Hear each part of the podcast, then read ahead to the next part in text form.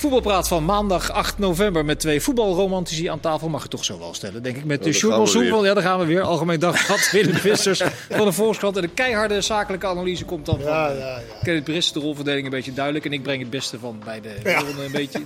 Kenneth, eh, jij mag aftrappen op maandag. Ja, nou ja, het is, eh, was best een eh treurig beeld eigenlijk, vond ik, bij Vitesse Utrecht. Dat we eigenlijk, eh, ik denk dat het ongeveer 20 jaar geleden is dat er besloten is om geen politie of geen ME in het stadion te hebben. En dat er eigenlijk eh, de noodzaak was zo hoog gisteren met dat vuurwerk, dat er weer een beeld was met, er stonden misschien 15 ME's, Ja. om het alleen maar het uitvak eh, in de gaten te houden. Nou, dat vond ik best wel een treurig beeld en waarschijnlijk een, ook een toekomstige beeld. Ja, Want, toekomstig eh, beeld wat we in het verleden, in de jaren 80 en de 90, eh, veel gezien hebben. Jij schreef er een, een, een stuk over, eh, waarin je het niet bagatelliseerde, maar wel de nuance probeerde te zoeken. Kun je, voor de mensen die het stuk niet hebben gelezen, in een paar zinnen schetsen wat je precies betoogde? Nou ja, kijk, het, het probleem van de jaren 80 en 90 was natuurlijk nog veel grondiger. En, en, en was ook een ander probleem. Toen was de veiligheid was in de stadions was heel, heel slecht. Ehm, je ziet nu dat er een ander soort tendens is. Ehm, een ander soort eh, reflex van supporters. En dat vraagt er denk ik ook een ander soort aanpak. Maar wat ik even aansluit op wat Kenneth net zegt. Wat, wat, waar ik eigenlijk zo, ook zo boos om word bij dit soort momenten. Is dat er is best wel veel bereikt in dat voetbal. In de jaren 80 en 90 zijn de, zijn de teugels heel strak aangetrokken. Hè. Mocht er op een gegeven moment niks meer, moest je altijd met buscombi's naar uitwedstrijden. Nou, dat was dan ook heel veel om te doen, want eh, supporters werden niet op een normale manier behandeld. Want je werd opgevangen door een peloton agenten hebben, met honden. en, hebben we eh, zelf meegemaakt. Dus stond je met blaf van de honden en weer in een kooi ingemapt. Ja, dat- je moest wel heel vredelief, je moest een soort Gandhi zijn, wilde je daar niet agressief eh, dat vak in komen. Maar de, dat is op een gegeven moment, hebben ze dat ook veranderd. Zijn ze supporters ook tegemoet gekomen.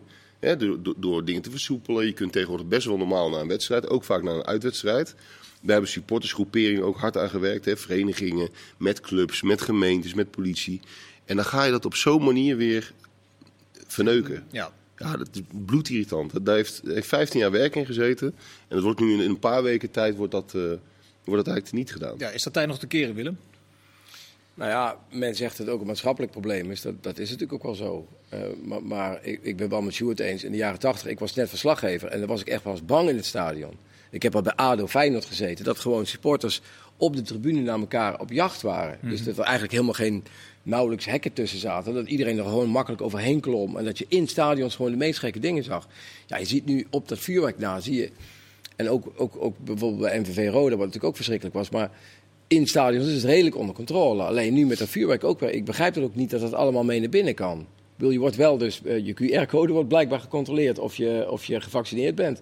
Maar ze kunnen niet even kijken of je allemaal vuurpijlen bij je hebt. Ja, ik vind dat toch wel vreemd. ja, maar met dat, dat het redelijk rustig is, is Ja, de laatste weken niet. inslag. Is de laatste weken niet. Zelfs bij de wedst- niks zeggende wedstrijden. Ja. Daar zijn vechtpartijen. En gisteren, en dat is, kijk, dat vuurwerk is heel irritant, zeg maar, richting het veld. Maar wat er ook gebeurde was, het was ook richting de supporters die Ja, ernaast helemaal zaten. Vitesse supporters waren ook kinderen en vrouwen en, en, en jonge mannen. En ja, dat is toch Ja, het is het absoluut het is- het is te accepteren. Het is crimineel gedrag. het staat compleet haaks op de ontwikkeling eigenlijk van 10 jaar hiervoor. Ja. Dat is ook zo, dat het zo irritant en zo raar maakt. Want het ging eigenlijk in Nederland echt wel de goede kant. Tuurlijk had je altijd wel incidenten ieder Excessen zijn jaar. er altijd geweest. Met, met, met extreme wedstrijden. Maar je kon natuurlijk over het algemeen natuurlijk heel veilig naar het stadion met je kinderen in Nederland. En daar waren we ook blij om en trots op. En dan krijg je dit. Ja, want dat mogen we niet vergeten. Want je, eh, ik ben echt, de laatste twintig jaar kan me niet bijna herinneren dat ik dacht van ja, ik voel me bedreigd. En de meeste mensen Nee. niet. Want je ziet overal, zie je gewoon eh, gezelligheid. Mensen die normaal naar het stadion gaan, die gewoon met hun kinderen aan de hand gewoon het Dus het meeste gaat heel goed. Alleen die excessen nu, ja, daar moet hard tegen opgetreden worden. Maar waar gaat het nu in resulteren dan? Zijn dat eh, geen uitsupporters meer? Worden, er moeten er vakken leeggehouden worden? Moeten er, zoals ik vanavond op de radio hoorde, de- meer vrouwen in het stadion. ja. een quotum van 30% vrouwen, wat mevrouw Annemarie van Gaal vanmorgen schreef in de Ja. Telegraaf. Ja, van gekkigheid weet je Ah, ik, denk, ik moment denk niet dat wij, weet je, we hebben het ook vorige week gediscussieerd. Je wordt ook een beetje moe van om het.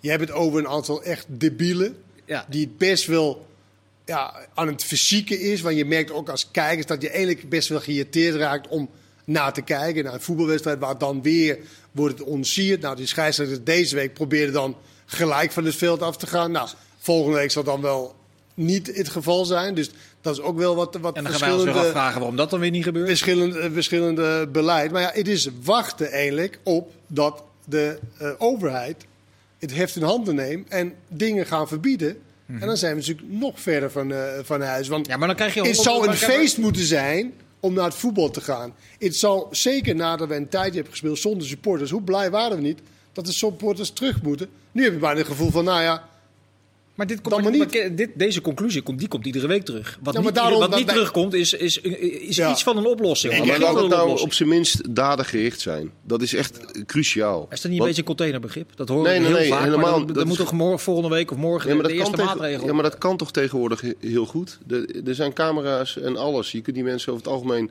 veel beter identificeren dan vroeger. Ja. Maar ik hoop echt dat het die kant op gaat. Dat, dat er recherchewerk op wordt gezet om te achterhalen welke klootzakken dit zijn. En niet zozeer een soort algemene maatregelen van laat het uitvak leeg. Er gaan 200.000 mensen ongeveer eh, per weekend naar het voetbalstadion. Je hebt het hier echt nog steeds over een 1500 hele kleine groep. Ja, Maar ik verwacht wel dat morgen of deze week dat Feyenoord precies weet wie die eh, blikjes heeft gegooid. Dat lijkt me, als je goed camera hebt in, de- in het stadion, dan lijkt me niet zo moeilijk om te zien dat iemand zo'n blikje gooit. Toch? Dan Ja. kan je toch al iemand... In, Nou schijnen er in die camerasystemen grote verschillen te zijn in kwaliteit. De, de, de, de- Oké, maar dan heeft het niet zoveel zin. Nee, precies. Nee. Maar dat is toch een hele treurige conclusie. Ja, maar dan Dat is er geen oplossing dan. In Engeland echt al twintig jaar hebben ze, en daar is ook veel kritiek op trouwens, maar dat hebben ze in Engeland sowieso twintig jaar al voor elkaar. Die CCTV-camera's Ja. Die gewoon iedere toeschouwer kunnen tot in je vastleggen. neushaar kunnen, Ja. kunnen- Maar wat ze in Engeland bijvoorbeeld ook al voor elkaar hebben, is dat er een één centraal orgaan is dat stadions eh, controleert. Als je dat toch leest, dat Maar er NEC wel- 400 scheuren in het stadion zitten, is toch ook ongelooflijk?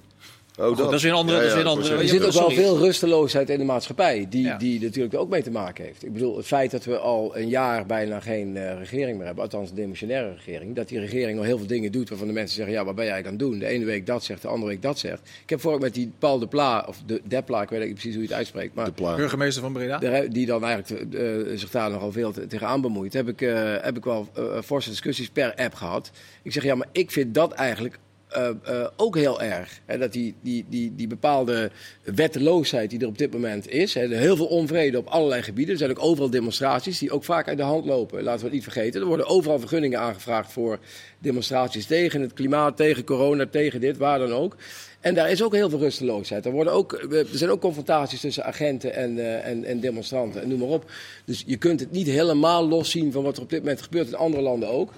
Dus je kunt het niet helemaal loszien van, van eh, de maatschappelijke ontwikkelingen. Maar dan nog vind ik wel dat je in het stadion nu moet zorgen dat mensen wel, wat Sjoerd ook zegt, eh, eh, we hebben fijn het voetbal gekeken de laatste decennia. En dat moet gewoon zo blijven. Als je dat nu afbreekt, dan duurt het weer jarenlang om dit... eh, en ik vind het ook sneu voor de clubs, want die hebben echt tonnen geïnvesteerd in supportersbeleid. Maar wat kun jij eraan doen als er 7000 fans van Feyenoord, hè, wat echt indrukwekkend is, 7000 mensen van Feyenoord die op een donderdag in de stromende regen naar een wedstrijd in Berlijn gaan kijken. Wat kan Feyenoord eraan doen? Natuurlijk moet Feyenoord die supporters kennen en in kaart brengen, maar ze kunnen ook niet alles voorkomen. Dat daar ook mensen bij zijn die gewoon denken, ja, ik ga eens lekker in Berlijn zitten kloten. Ja, ik denk dat we in afwachting zijn van de oplossingen vanuit eh, de politiek. Overigens, die wedstrijd, Vitesse eh, eh, tegen Utrecht, levert ook wel het allergrappigste moment van het weekend op. Met die paas. Die keeper die eh, van zijn trainer te horen kreeg dat hij toch even moest gaan zitten. En dat na afloop in het interview eh, in eerste instantie ging volhouden tot, tot- totdat de beelden werden ingestart. Dat vond ik wel erg komisch. Dat is ook trouwens een terugkerend iets. Met die, waarom gebruiken ze altijd de keeper voor eigenlijk? Vraag ik aan de keeper. Nou ja, omdat je dan het spel natuurlijk stil moet leggen. Moet leggen. Maar ik, ik geloof dat Groningen is er een beetje, in Nederland althans, een beetje Sergio mee Bad was daar meester in. Nou, Ja. niet zo, die was niet zo goed. Die ging om de twee weken Ik liggen. kon ook niet zo goed liegen. Ook, Ja. Dat- Nee. Ik geloof dat ze bij Utrecht hadden ze het niet zo vaak gedaan. Maar ik vond wel mooi dat jullie dat ook in, op beeld hadden. Ja, precies op het goede moment werd Ja, ingestart. ja, dat haken, dat, eh, dat, Ja. eh, dat die act opvoerde. Ja. Ja, was wel goed. Was leuk. Wat was de leukste wedstrijd van het weekend, Kenneth? Waar heb je het meest van genoten? Eh, toch Feyenoord AZ. Vond ik wel een boeiende wedstrijd. Eh, want dit was ook een soort van voor AZ nu weer het moment om toch weer de weg omhoog te vinden. Weet je, we zeggen wel allemaal ja, ze komen wel. Maar ze blijven nog steeds wel hangen rond de elfde plek. Ze komen wel. En voor Feyenoord was het ook wel een moment van, weet je, tegen een, een, een goede tegenstander op papier. Om te laten zien, oké, eh, waar, waar, waar zijn we? We hebben nu Europees gespeeld. Waar zijn we? Nou ja, uiteindelijk wordt die in de allerlaatste minuut weer, of bijna de allerlaatste minuut weer, door die eh, gekke Dessers, wordt die weer eh, beslist. En daarvoor leek het bijna eh, die ene met, met op die aansteker. Dat dat een soort van karma was. Dat het publiek al dat ding, al die spullen in de stadion. in de zichzelf in de voet had gegooid en dat zelf in de schoen, dat, dat die bal niet te goed stuitert. Maar ja, het is, het is een belangrijke overwinning voor Feyenoord om weer het zelfbewustzijn. Ze staan, eh, ik wil het bijna zeggen, virtueel nummer 1, maar de minste verliespunten van, eh, van allemaal. Nou ja, en, eh, dus dat is een grote overwinning gisteren. En voor AZ toch, een, vind ik, een, een grote nederlaag. Ja. Om, om weer de weg Ja. omhoog te vinden. En ook echt wel een beloning, vond ik, voor, voor de manier waarop Feyenoord de laatste fase van de wedstrijd inging. Want het- we- ik was in de Kuip en je voelde eigenlijk van, het was eigenlijk op. Ze Ja, het, kan gewoon tot, een- het komt, het kan tot een beetje naar Ja, AZ, en de, de laatste energie- kwart van de De energie was eruit en zij kregen natuurlijk die twee kansen die beide fantastisch pakten. En, en dan de meeste trainers zouden denken van, ah, dit is zo'n dag, we houden even het puntje eh, binnenboord. En, en, en je wisselt ook op die manier. En Slot eigenlijk het, het omgekeerde. Ja. Die ging nog wel echt voor de overwinning met zijn wissels. En, Aanvallend wisselen inderdaad. ja, Ja, ja, dat is wel beloond. Ja. Het is echt super knap dat een ploeg die toch... Nou ja, als je het afzet tegen een, eh, een selectie in Amsterdam met eh, Ja. louter godenzonen en dan een stuk of 25. Bij PSV waar ze een wondertrainer hebben. En zijn ook wel op een een- manier van... eh, Ah, bij Feyenoord ze ook een wondertrainer. En de vleugje Chinees. En PSV, eh, PSV heeft ook een ruimere selectie. En, en hij doet het met 13 veldspelers. En een keeper die iedere week twee keer zo goed wordt ongeveer. Nou, dat wil, ik moet wel zeggen, die bij, want nu was Dessers de matchwinner. Maar Bijlo was eigenlijk op dat moment waar AZ en die grote kansen kreeg. Ja. Maakte hij een paar hele goede reddingen. Wat je, want het is echt zo voor hetzelfde geld verlies je die wedstrijd. Onterecht. Want je was de eerste uur was je echt wel de betere als Feyenoord zijnde. En toen kreeg ik die twee grote kansen. eh, Ik dacht Carlson en, Ja, tegen de paal, en ook ja. Trouwner. Die Die, Reinders. kopkan, die kop, ja, Reiners, Ja. dat was Bijlo. En die kopkans van, eh van ook- Pavlidis was dan Ja. Die daar eh even Die gooide zijn hoofd ervoor. Nou ja, dus Bijlo is echt, die is echt ongelooflijk gegroeid. Ook in de zin van, hij raakt niet zo snel meer gepresseerd. Dit was natuurlijk om de week ongeveer. Dat druistige, is dat het druistige eruit? Het zal ook wel een beetje toeval zijn. Ja. Eh, eh, Maar het is wel iets minder wild lijkt het te zijn. Hij kwam toen wel heel vaak in situaties dat je je hart vasthield van Ja. daar gaat hij weer. Die boksen op de rand van het 16. Ja, Alla die keeper van Vitesse, weet je, waar we nu de hard eh, elke keer... Daar gaan we zo nog even over Dat hebben. was natuurlijk ook wel zijn kracht, hè? want hij komt op zo'n ongelooflijke snelheid uit zijn goal. Dat hij daardoor ook vaak het duel wint, maar wel met heel veel risico. Ja. Dus dat was wel belangrijk op dat moment. En Ja, en dan leek het eigenlijk een 0-0 wedstrijd eh, te, te worden. Ja, en, ja, en dan valt toevallig de, de 1-0 eh, best wel AZ. Als je het hebt over naïef en gewoon heel open. Ja. 92 minuut. Helemaal open. En dan Hatsigiagos die naar zijn eigen goal loopt in plaats van de ballen aanvallen. En Best vervolgens als een soort ijshockey-keeper. Ja, nou ja, de regel is met een keeper nooit je benen wijd. En ja, dan ben je echt verslagen als keeper. Maar goed, dat is een andere discussie. AZ is gewoon niet zo heel goed. Nee, qua, maar- qua spelers. Ja, maar Feyenoord is toch leuk dat ze ja, met spelers waarvan wij allemaal nog niet gehoord hadden. En met nieuwe spelers die, die bijna niks gekost hebben. Al die aankopers zijn raak Aankopen. geweest. Ja. Hè, Trouwen, uh, Auersnes, Frederiksen, daar hadden we allemaal, of de Pedersen, sorry, daar hadden we allemaal nooit van gehoord.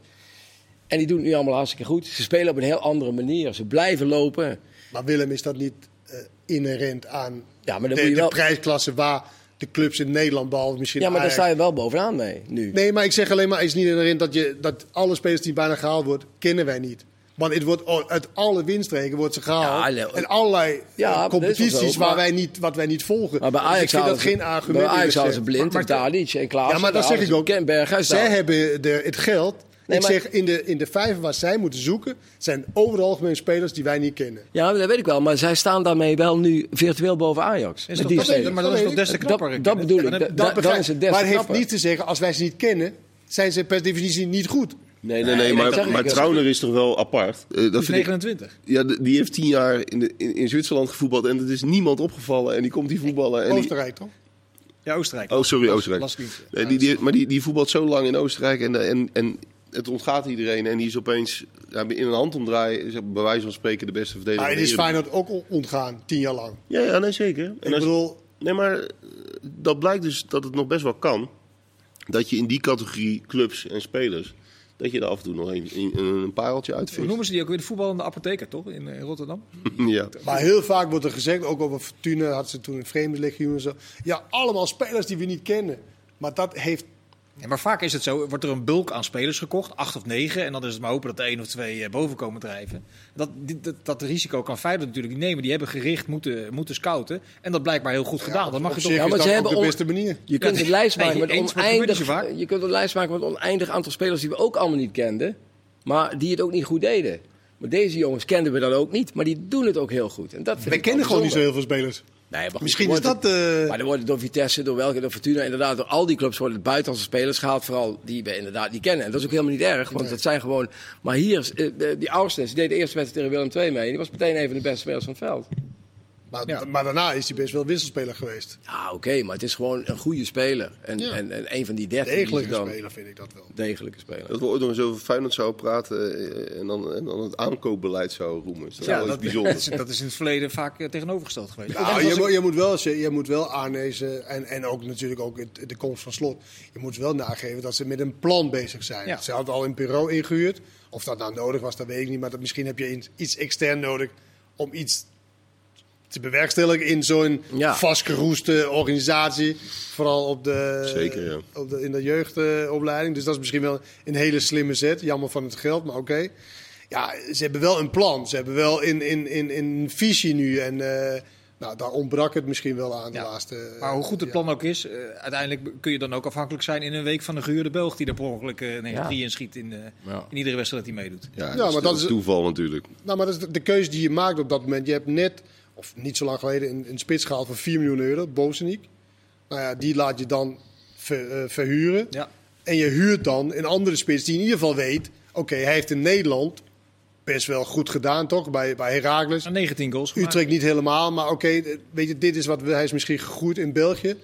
Nou ja, en, en hij beslist de laatste drie wedstrijden in de, in de, in de laatste, me- laatste minuut. En kijk, het is, ik, ik denk dat zij inderdaad wel vooruit is gegaan qua wisselspits.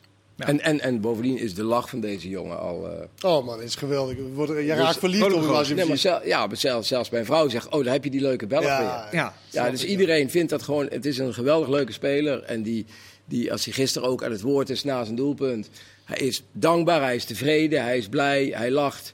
Nou, dat is wel wat je in het voetbal nodig hebt. Dat is, ik weet is- zeker dat Sjoerd heel blij mee was, die, die gemiste kant. En die eh, gescoord. maar aan zijn was- column was was, precies jouw column. eh, Ja, eh, soms dat moet je dat geluk ook hebben. Ja. Ja, wat dat betreft hangt het voetbal er ook een beetje van, van dat soort simpele sentimenten aan elkaar. Een vrolijke invalspits die doelpunten Ja. maakt. Maar iedereen in die, in die kuip ook in de, aanwes- in de aanloop naar die wedstrijd tegen AZ. Toen men heeft er echt zin in, in de wedstrijd van Feyenoord. Nou, de laatste jaren was het vaker met, vol met chagrijn, wel massaal naar de kuip. Ja, ik, ben, ik, was wel een tijdje niet meer geweest, althans bij wedstrijd van Feyenoord dan. En, en, en door corona natuurlijk ook niet. Maar je voelt in, in dat stadion dat er echt een enorme eh, goede, goede stemming eh, Ja. heerst. En ook heel veel zeg maar, eh, loyaliteit naar het elftal. Zo van, ook in een mindere fase dat je voelt van ze blijven er wel achter staan. En het chagrijn was natuurlijk hiervoor veel groter. En ze hebben hun zin. Geen nieuw stadion. Ja. Nou ja, ja, Oh ja. ja. dat valt nog maar te bezien. Want volgens mij was het nieuws van ongeveer een half uurtje geleden dat het nu een jaar wordt uitgesteld. Eh, Kijken of de bouwprijzen gaan dalen. ja, nou ja, dat, dat zal er deels achter zitten. En misschien dat alle sentimenten even. Alleen ik heb dan tegelijkertijd het idee, het blijft weer boven de markt hangen. Maar en het dat lijkt mij goed. toch met die, met, die, eh, met, met die dossier. Het is toch vaak, vaak een rekenkundig iets, iets. Wat gaat het kosten om te bouwen? Wat gaan ze opleveren? Ja. Nou, daar is toch waarschijnlijk ergens een grens, een break-even grens. Ja. Oké, het mag dit kosten, want het levert dit op. Ja. Dan is het rendabel. Ja. En dan heb je de emotie. Weet je wat ook een belangrijke eh, rol kan spelen.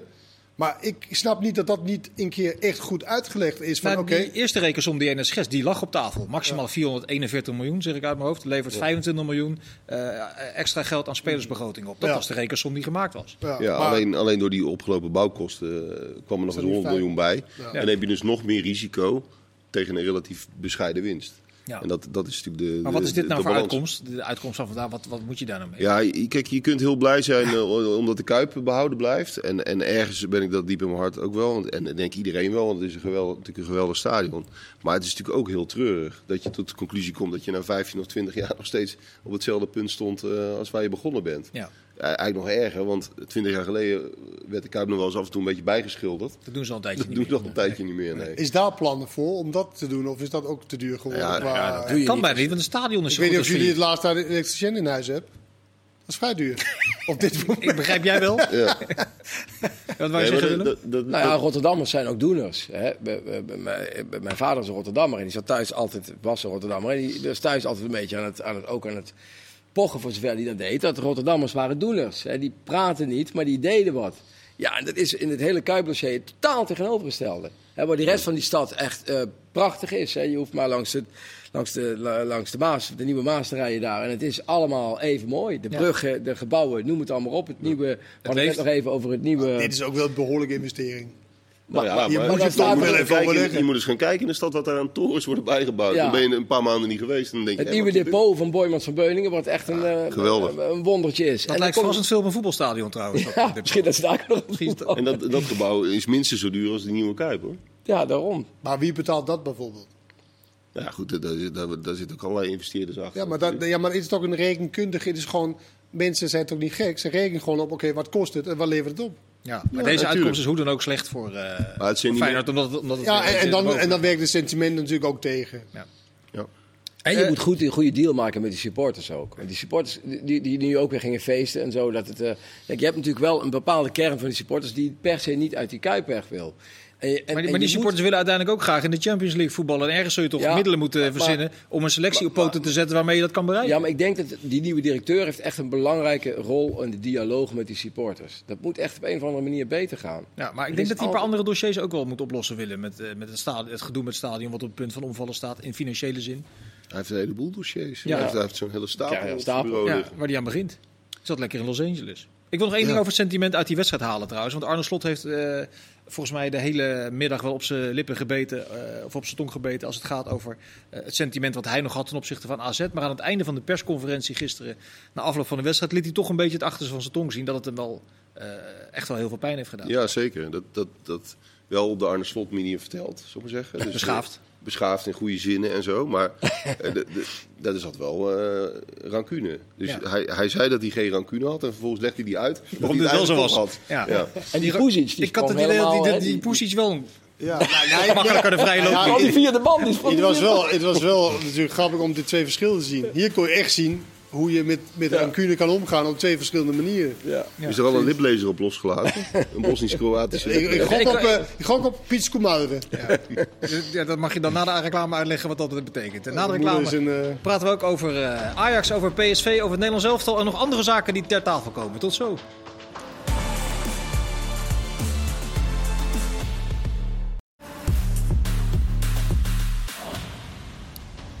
Tweede gedeelte van eh, voetbalpraat. Veel voetbalonderwerpen ook in dat tweede toch wel. gedeelte. Ja, toch. Ja.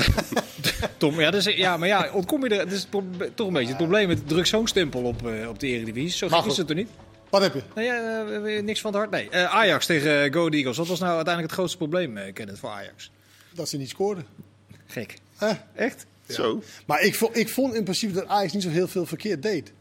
Eh, ze probeert via de flanken, ze probeert door het midden.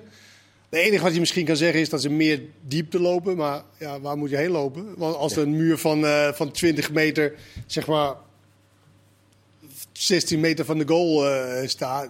Want eh Ten Hag had het voor de wedstrijd over. Nou, ik wil met lopende, twee lopende tiens. Nou ja, waar zou ze heen moeten lopen? Het was, stond zo compact van Go Ahead Eagles. Ja, want daar had zijn opstelling wel aangepast. hè, Met, Ah, nogal ja. Ja, nou ja, plus. Sorry, wie had aangepast? Ten Hag. Oh ja, ja maar, maar eh Go Ahead Eagles ook. Van Wonder ook. Die had, Ja, eh, met eh, vijf achterin en dan echt zo compact. En hey, Be My Guest is verschrikkelijk om naar te kijken.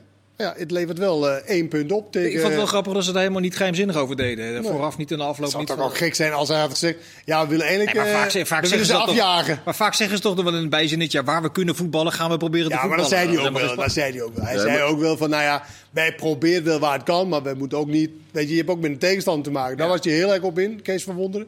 Nou, we hebben met een tegenstander te maken. Die bepaalt eigenlijk ook wat er gaat gebeuren in deze wedstrijd. Nou ja, en met een beetje kunst en vliegwerk en, eh, en, en gewoon eh, heel goed in de discipline. Ik Ja, begin maar bijna wat ik best wel atypisch vond, want, want Heracles, eh, Utrecht, die, die- die, stopte er best wel veel energie in. Hè? Dus Mhm. veel afjagen en zo. En eigenlijk was een beetje, leek een beetje de conclusie van als je tegen Ajax op deze manier gaat spelen, hè, dus alleen maar voor de goal gaat staan, ja, dan krijg je hem vroeg of laat tegen wel, en dan wordt het toch nog 3 of cliché. 4-0. En dat is natuurlijk ook 99 van 100 Ja, precies. Dit was die ene keer waar het dus net niet valt. Precies, maar eigenlijk leek dit recept een beetje afgeschreven tegen Ajax. En dat blijkt dus toch. Maar in ik denk- Groningen deed het precies werken. hetzelfde. Groningen een aantal weken geleden deed het precies hetzelfde. En toen werd het in de 70ste minuut, ik weet niet precies, maar, maar werd het 1-0. Uiteindelijk 3-0. Ze zeiden ook, een van die spelers had ook gezegd, wij deden hetzelfde als Groningen. Alleen wij denken dat we het beter kunnen. Ja, maar dat, dat is maar de vraag. Want als Klaas, dat was inderdaad de ronde 3, 4, 70 minuten. Scoort, dan wordt het 4-0. Als hij scoort, Wordt het weet je, en dan is het weer van nou, leuk geprobeerd. Jammer, volgende Ja. keer beter. En dan heb je weer die 99 van die 100 keer. Maar het is wel- Ja, het, het- dit zit gewoon... En nu... Maar alles wat jullie nu schetsen, of het nou Groningen is, of Heracles, of uh, Go Ahead Eagles, die komen wel met een idee. Het begint bijna op een volwassen competitie te lijken. Als dat soort ploegen het dus op voorhand eh, gewoon helemaal niet meer opgeven. Met uitzondering van kan. Ja, maar dat is, dat is alleen maar goed. En, en dat is volgens mij toch wel een ontwikkeling die, eh, ja, die wat een positieve is in de eredivisie. Als je ten opzichte kijkt van zeg tien jaar geleden, toen iedereen hetzelfde deed. Ja.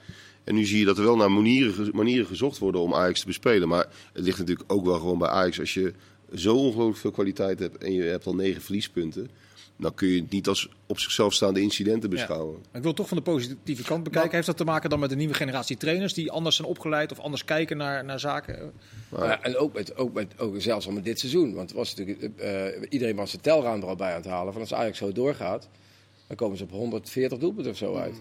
Eh, Het was 9-0 tegen Cambuur, het was 5-0 tegen Vitesse, het was 5-0 tegen eh, NEC, de eerste wedstrijd. Die ook heel erg dacht, van, de eerste wedstrijd de Eredivisie weer. Ga even lekker voetballen in de arena. Ja, het was binnen een half uur was het 3-0 of zo. Maar als je het breder trekt, denk ik wel dat je gelijk hebt. Dat, dat de nieuwe trainers echt niet voor kanonnenvoer wil, eh, wil, wil eh, doen. En dat ze echt manieren zoekt. En de ene keer lukt, de andere, keer, de andere keer niet. Eh, om, om te spelen. Want je ziet ook, en dat is wel wat Ajax wel bewerkstelligd heeft. De tegenstander spelen op een hele andere manier tegen Ajax. Dan pak een beetje tegen PSV. Go Ahead bijvoorbeeld tegen PSV. Nou, vol gas eh, erop en eh we raken wel kans. Thuis, Adelaarshorst erachter. Alles zo zeker. Maar dus dat, dat, dat is wel wat Ajax nu over zichzelf heeft afgeroepen. En ik denk dat die spelers, die doen heel volwassen voor de camera daarna. Van, nou ja, complimenten, goed gedaan. Maar ja, stiekem balen natuurlijk als een sticker. Dat, en vinden het vreselijk om tegen te spelen. Ja, Daley Blind eh, had het over schandalig, maar dat ging dan vooral over het optreden van zijn eigen elftal. Die, Ja. eh, Ja, dat vind ik, dus- vind ik dus. eh, Ja, ik, ik ben het er wel met Kenneth eens. Kijk, ook, het is, een van de leukste dingen is. Eh, Ajax-volgers op Twitter, eh, eh, Ajax-supporters op Twitter volgen. Dat doe je Die dus. zijn altijd meteen, nou ja, je krijgt een aantal in je. Ja. tijdlijn. Die zijn altijd heel erg zo van als Ajax een keer niet wint, dan is het een soort van ja, het is een schande en het is dit. En, eh, maar ja, het, het, het, het is in feite moeilijk om tegen Go Ahead te voetballen en tegen Dortmund. Want die hebben ook gewoon goede voetballers en die gaan lekker voetballen. Die denken, nou ja, we gaan lekker voetballen tegen Ajax. dan zien we wel wie de beste En dan krijg je een mooie wedstrijd. En eh, ja, dan zie je wel wie de beste is. Maar deze ploegen, die gaan inderdaad. En als je inderdaad na, na drie minuten. Want ze hebben ook in de eerste helft. Ze hebben niet zo heel veel kansen gehad. Maar ja, er hoeft er maar één in te vallen. En ze hadden in de eerste helft ook best wel goede kansen. Dan wordt het ook 6-0. Maar het is wel goed voor de competitie. En daarom eh, zijn wij ook zo goed in Europa natuurlijk nu. Nee, eh, jij zegt het met een glimlach. Is ik dacht iets van cynisme te bespeuren. Nou ja, maar je maar- kunt ook zeggen dat er wel degelijk uh, Dat is verband tussen zit. wel toch? zo. Ja, maar dat geloof ik, geloof De competitie zeker. sterker en beter wordt en met slimmere trainers, dat je daar de, de vruchten van plukt in Europa. Zeker, maar je ziet toch een hele internationale ontwikkeling dat, dat we daar langzaam ook eh, dingen van oppakken. Dat is voor mij duidelijk. Maar niet Daar is alleen wel in- lang over gedaan eigenlijk. heel lang, heel lang. Daar hebben ze een hele crisis aan vooraf gegaan en de winnaars van morgen is daar nog aan, aan gewijd. Nee, maar dat, dat is toch op zich wel positief, maar niet alleen in tactiek. Mhm. Ik geloof ook dat Nederlandse ploegen nu veel fitter zijn dan tien jaar geleden omdat daar gewoon ook veel meer aandacht aan besteed wordt in, eh, in training. Ja. En ook, dat zie je ook Is er nu bij... in Eindhoven denk ik eh, ongeveer van een stoel vallen nu dit eh, zo zegt. Die geloof ik. Ja, je bedoelt qua blessures. Ja. Nee, maar ik bedoel qua fitheid, qua, qua conditionele fitheid. En, en, en kijk naar landen als Letland, daar is het moeilijk tegen voetballen, omdat die jongens allemaal topfit zijn. Nou, dat kun je met, met Heracles of Go Ahead kun je dat natuurlijk ook. Maar kijk naar Vitesse Ja, bijvoorbeeld. Die vorige week toch... RKC niet gezien dit weekend. Over, als je het hebt over Ja, het die, heb, niveau. ik- die heb ik eh, wel gezien. Dat was niet zo'n goede wedstrijd. Holy Niveau, fuck. niveau van wat? Dat was Nou, van de Eredivisie, als je het hebt over van de Eredivisie, Nee, is nee, beter nee. geworden. Want Nee, dat is maar de vraag. Maar hè? Kenneth, ook Ja, daar zit een trainer die wel nadenkt over iedere wedstrijd afzonderlijk. En daar eh, zijn zijn plan een beetje op afstemt. Ja, nee, maar het ging mij om het niveau van voetballen. Dat dat was niet goed. Nee, dat, kan natuurlijk. dat kan, dat gebeurt vaker. En eh, de, de vraag is natuurlijk van... Want we hebben nu een, een, een groep, denk ik, van, van nummer 6 tot 16. Nou, die kunnen of inderdaad zesde worden... of ze kunnen in de degradatiegevaar komen. Is dat omdat de onderste die omhoog komen, zijn die echt beter geworden? Of is de traditionele subtop Groningen, noem ik dan... zijn die slechter geworden? Maar geef zelf eens antwoord. Nou ja, ik weet niet, want ik zit vaak naar wedstrijden te kijken waar de blinde tegen de dove, eh, doof is. En dat was Je voorheen. zit net te vertellen dat die competitie aan niveau gewonnen heeft. En Nee, die- dat zitten jullie te vertellen. Nee, nee, nee. nee, jullie te nee, dat zeg ik ook niet. Ik zeg niet dat het niveau hoger is qua voetbal. Ik zeg alleen, er worden naar meer eh, zeg maar, internationale manieren gezocht Dat- om een tegenstander moeilijk te, moeilijk te maken. En je hebt natuurlijk in Europa zijn natuurlijk de, over het algemeen de betere ploegen van Nederland, toch? Ja. En die hebben wel een bepaald. Ik, je ziet wel bijvoorbeeld dat AZ tegen Cluj uit. Ja, die winnen ze dan 1-0. Terwijl zo'n wedstrijd ook een paar jaar geleden was het. Oh, nou toch 1-1 jammer. Weet je wel, we hebben lekker opgebouwd, jammer van de fout. En toen was het een heel slechte wedstrijd. Maar ja. je trekt hem wel over de lijn. En uh, nou ja, ik vond ook Vitesse, ze verloor weliswaar tegen Tottenham. was echt een, een, een, een goede wedstrijd zonder echt naïef te zijn. Uh, ja, dat soort wedstrijden, vooral tegen die Oostbloklanden, was vro wat vroeger vaak met een gelijkspel of hoe kunnen we hier ja. tegen verloren hebben? Ja, die, gaan die, wel. die win je wel nu. Vitesse is misschien wel, vind ik, het beste voorbeeld van, van Nederland, hoe ze veranderd zijn. En er komt een trainer die ook niemand kende, uh, die op een heel andere manier is gaan spelen. Hè, dat 5-3-2 was wel zwaar, dat werd wel eens af en toe gebruikt in Nederland, maar heel uitzonderlijk. En daar stonden de hele kranten ermee vol. Hij is daar gewoon mee begonnen. En hij doet het ook gewoon goed. Ik bedoel, hoe vaak. Uh, ze verliezen van Tottenham. Zware wedstrijd. En drie dagen later moeten ze tegen Utrecht. Nou, in het verleden was dat echt gewoon bij die clubs die af en toe Europees voetbal spelen. Dan hadden die nu uh, bijna onderaan gestaan. Ze staan nu gewoon op de vijfde plek. Terwijl ze best wel wat uh, pech hebben gehad. Want ze hadden vorig jaar twee sterrenspelers. Nou, eentje die had er geen zin meer. Die andere had eigenlijk ook geen zin meer. Maar die heeft nu weer de zaak redelijk opgepakt. Bazoer. Tanane is helemaal niet verdwenen. Die vorig jaar het hele spel maakte daar. Nu doen ze het met vrijwel dezelfde selectie. En ze hebben echt, die backs, die doen het echt geweldig, die twee. En, en Openda is ook een jongen die het gewoon van Nederlandse begrip hartstikke goed doet. Als hij op tijd komt. Als ja. hij op tijd komt. Wat stom was dat. En vind ik Vitesse echt een, een voorbeeld voor... Uh, het is lang niet altijd leuk om naar te kijken... maar het is wel een voorbeeld voor hoe je met redelijk beperkte middelen toch kunt presteren. Ja, ik denk wel dat... Ik denk echt de eerste wat je zei dat een heleboel trainers gewoon dat nu ook oppakken. En ook omdat het... Ja, het klinkt maar, maar dat het ook een soort van geaccepteerd is dat je iets anders doet. Ja. Dat je niet uh, weggehoond wordt met een.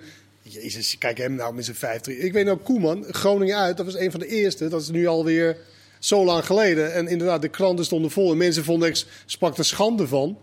Uh, bij Feyenoord toen de tijd. Mm -hmm. En nu is het veel meer geaccepteerd en wordt er helemaal niet spastisch over gedaan. Maar is, ook, is er ook een totaal achterhaalde discussie. Het voetbal is zo ongelooflijk veranderd. Ja. Dat, er nog, dat je nog steeds wel eens hoort van ja, we moeten met een rechtspoot op rechts en ja. linkspoot op links gaan spelen. Dat is 30 jaar geleden. Dat ja, maar dat, dat, dat, is wel vrij lang gangbaar geweest in Nederland. Ja, dat is toch onbegrijpelijk. Ja, maar er zijn maar het moet wel aantrekkelijk blijven. Dat is wel belangrijk. Kijk, ja, het is, is wel in eerste instantie amusement. Vitesse was, was aantrekkelijk tegen Tottenham Hotspur. Ja, dat was aantrekkelijk. Maar er zijn natuurlijk ook veel wedstrijden die zo door de tactiek worden bepaald dat ze niet meer om aan te zien Nee, maar daarom vond ik het zo goed wat Ten Hag voor die wedstrijd tegen Dortmund. Die zei, oh, tactiek wordt daarin ook veel vaak overschat. Het is ook vaak durf.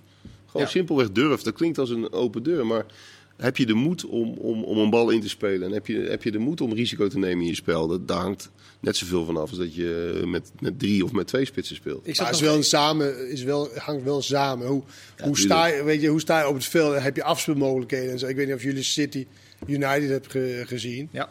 Nou ja, als je City ziet qua, weet je, het is niet zo moeilijk voetballen als je altijd een afspeelmogelijkheid ja. hebt. Maar en dat is, en dat, nee, maar dat, nee, maar dat is gecreëerd door de tactiek. Ja.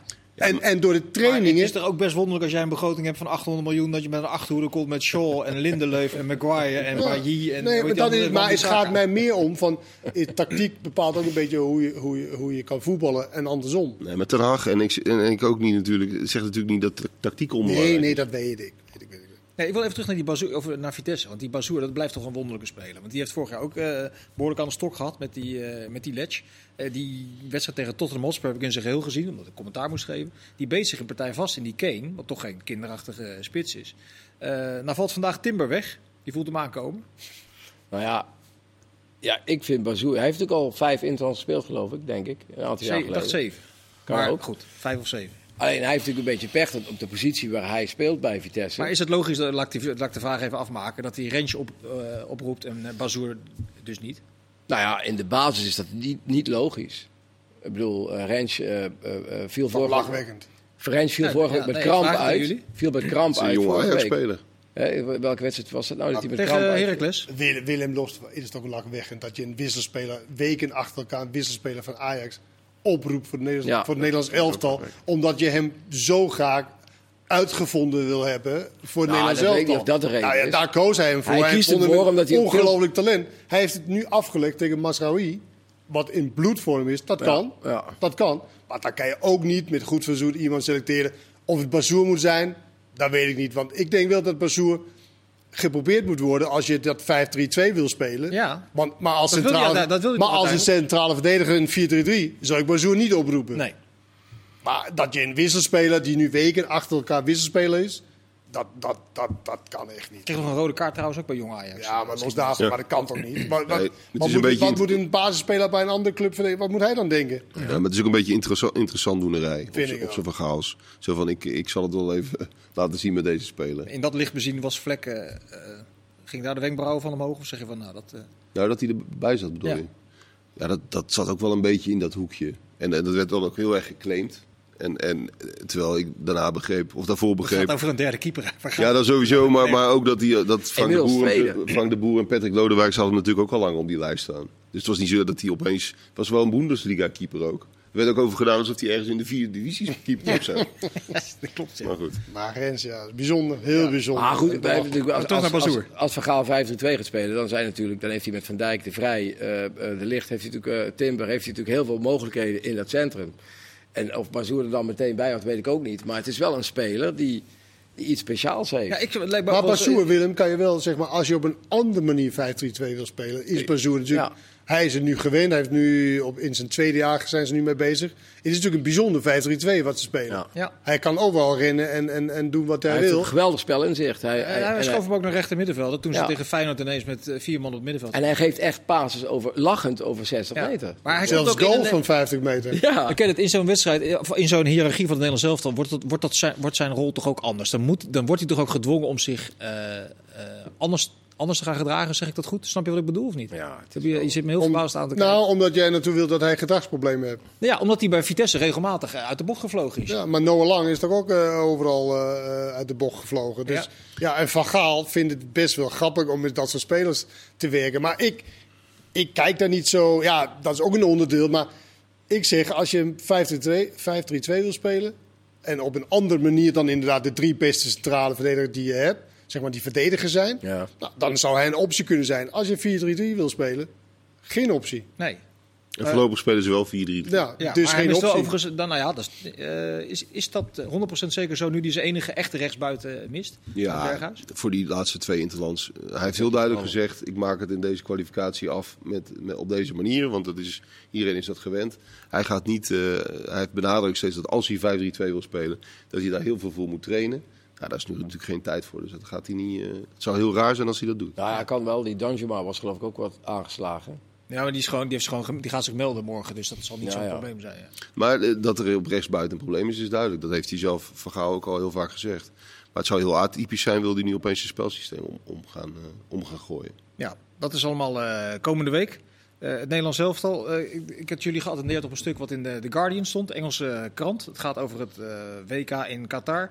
Ehm, vorige week, of twee weken geleden inmiddels alweer, is Josh Carvalho uit de kast gekomen. Ze speler van Adelaide United, 21 jaar.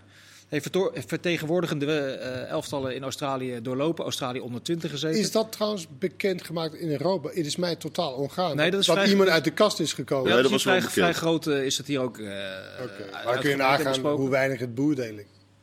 Dat je? iemand uit de kast komt. Nou, het is wel groot. Nou, nee, op zo'n manier. Jij bedoelt Ja. in positieve zin. in bedoel je? positieve zin, nou ja, so what? Ja, maar Is het mij wel eerlijk gezegd ongaan. voor, voor het voetbal is het wel redelijk. in het aardsconservatieve Nee, dat, voetbal. dat, dat begrijp ik, maar Niet uniek, is maar wel zelfs.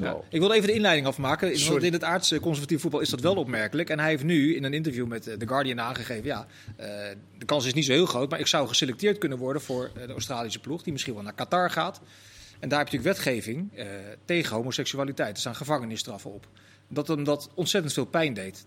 Hoe- Dat is toch eigenlijk is- volkomen krankzinnig als je erover nadenkt. Ja. Ja, dat is volkomen krankzinnig. Maar, en- maar in al zijn eh, treurigheid is het, is het, ja dat klinkt raar, maar ook, ook ergens wel, wel, wel goed dat dit op de agenda eh, komt.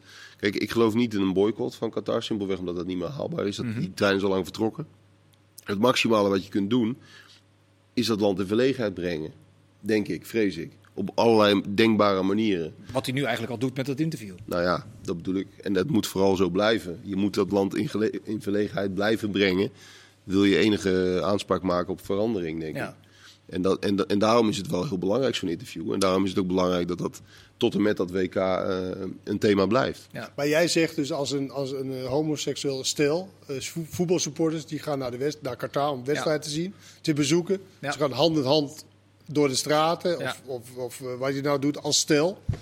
dan is de kans aanwezig dat ze Nee, maar- aangehouden Ja, zegt dat de voorzitter van het, niet gebeuren. de Dat zal voorzitter van het comité heeft gezegd dat, kan gebeurt. gewoon. eh, die, die kunnen hand in hand lopen. Alleen de wetgeving in het land is anders. Ja. Maar dat zal dus, kijk, en dat is het probleem van het WK. Kijk, het WK is dat hele land straks opgepoetst. Hè, dat bloed van die, van die stadions is Ja, weggespoeld. maar die wetgeving is er nog steeds Die weer. wetgeving is nog steeds bij. Er wordt straks niemand opgepakt bij het WK. Want dat zou zo'n grote internationale rel betekenen. Het enige wat het WK kan bewerkstelligen, dat is een beetje wat, ja, wat Sjoerd zegt. De- Eigenlijk is wat je dat- nu zegt nog veel treuriger. maar dus er wordt zo'n wetgeving kant gesteld voor een week of vier, Maar dat vijf. is natuurlijk al, en daarna dat gaat het weer door. alle toernooien in foute landen zo. Ja. Ik bedoel, in Rusland, ik, ik, ik heb mezelf geweldig vermaakt met het WK in Rusland. Russen waren allemaal, kijk, wat Hiddink altijd zegt, onder die politieke elite zitten alleen maar ongelooflijk aardige Russen. En die waren allemaal hulpvaardig en je kon daar staan. Als je de weg niet wist, gingen ze je het wegwijzen. Dus ik heb daar heel goed kunnen werken. Maar het is natuurlijk wel een deels verderfelijk land. En dat geldt voor Qatar precies hetzelfde. Dus dat, het is goed inderdaad om het land in verlegenheid te brengen. En om te hopen dat er na dat WK, wat, in, de- wat waarschijnlijk inderdaad niet meer tegen te houden is... dat er dan misschien iets structureel verandert. Ja. In, niet alleen in Qatar, maar in het hele Midden-Oosten. Ga je naar het WK, Willem? Ik ga er, ja, als Nederland zich plaatst, ga ik er wel naartoe. Maar jij was heel lang Ik was, eh, van ik plan ben- om niet te gaan. Nee, ik heb, was, eh, nou niet heel lang, maar ik was een tijd van plan niet te gaan. Maar ik denk nu dat ik als journalist eh, beter kan functioneren door wel te gaan. En, en, en daar kritisch naar te kijken wat er gebeurt. En die reis wil je ook niet missen, denk ik. Is dat, dat is Ja, een maar dat, beetje- dat een vind ik wel. Dat vind ik, Ja, vind ik Ja, flauw. dat vind ik ook flauw, omdat, Ja. omdat wij, gaan toch, wij gaan normaal gesproken toch wel naar het WK. gaat als er een ander. verslaggevers. Dan gaat En, er een en, ander. en wij gaan naar ieder land liever dan naar Qatar. Hoor. Dus, dus voor mij mag het eh, in ieder ander land zijn. Alleen ja, god, het is, ik, is ik vind het zo- ook niet de taak van de journalistiek om ergens niet heen te gaan. Dat- En dat is niet alleen in voetbal dat is, zo. dat- dat- Nee, maar omdat Willem eh, een Ah, tijdje dan het, het ik gevoel heb- had, ik moet niet gaan. En dat kwam ook omdat. En uitgesproken Maar dat kwam ook omdat ik, Ja. omdat ik hoopte, en niet omdat ik dat Ja, ja, deed, maar ik dacht. bij- omdat in Qatar, kijk, er zijn heel veel dingen aan voetbal waar ik een hekel aan heb. Hè, dat, het, dat het alleen maar over geld gaat. Dat toernooien naar landen gaan die niet deugen.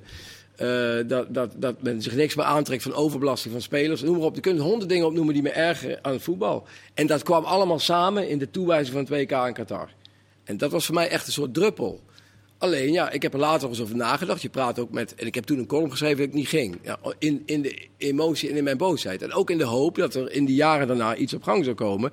Waardoor het... Toen had het namelijk nog gekund. Dat was in 2014 Ja. toen ik die column schreef. Als mensen toen gezegd hadden, en niet ik... Maar de voetbalwereld, de voetballers zelf. Als de 200 beste voetballers van de wereld hadden gezegd... Wat er ook gebeurt, we gaan niet naar Qatar. Was het niet doorgegaan. Nee. Alleen, dat doen de 200 beste voetballers niet. En waarom doen ze dat niet?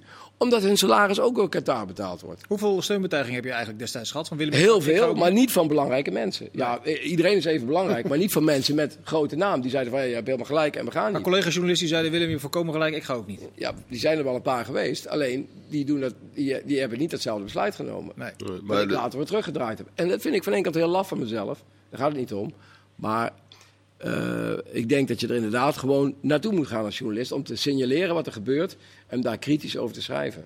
Maar, oké, maar oké, dat, dat, dat ga je dan doen. En je zegt net zelf dat het land waarschijnlijk in die vier weken opgepoetst zou zijn. Ja, maar het is bij dus, de Rio ook dus, geweest. dus je kan in principe geen misstanden dan tegenkomen. Want het zal allemaal pijs en Nou, vrij... daarom, maar eh, daarom moet je daar nu ook wel over schrijven. Paars en vree zijn. Dat is, moeilijke, dat is ook het moeilijke van, van dit soort toernooien. Maar dan nog kun je wel schrijven. Kijk, het is natuurlijk voorkomen idioot dat daar straks op een oppervlakte van Gelderland en Noord-Brabant tien nieuwe stadions staan.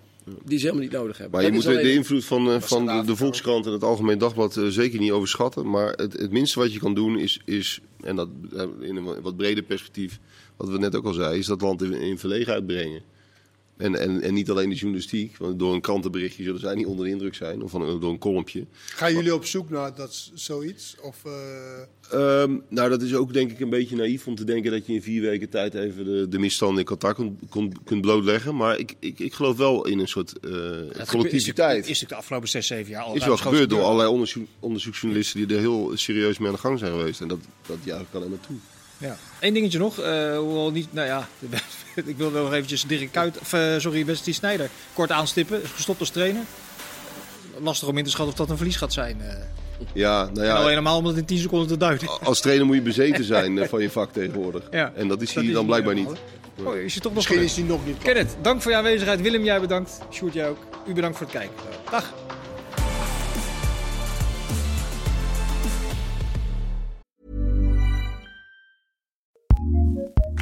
ACAST powers some of the world's best podcasts. Here's a show we recommend. It's the question that's on everyone's mind. How do you live a good life? How much do work, health, relationships matter? What about happiness, meaning, money, and love? What if you're alone or anxious, ill or in pain? These are the questions we explore weekly on the top ranked Good Life Project podcast, hosted by me, award winning author, four time industry founder, and perpetual seeker, Jonathan Fields. Every week, I sit down with world renowned experts, iconic writers, and researchers. And while everyone from Olympic gold medalists to world shaking activists, A list celebs, musicians, and more, all with the single goal to help understand what it truly takes to live a good life and to feel a little less alone along the way. Listen to the Good Life Project podcast on the ACAST app or wherever you get your podcasts. ACAST, recommends.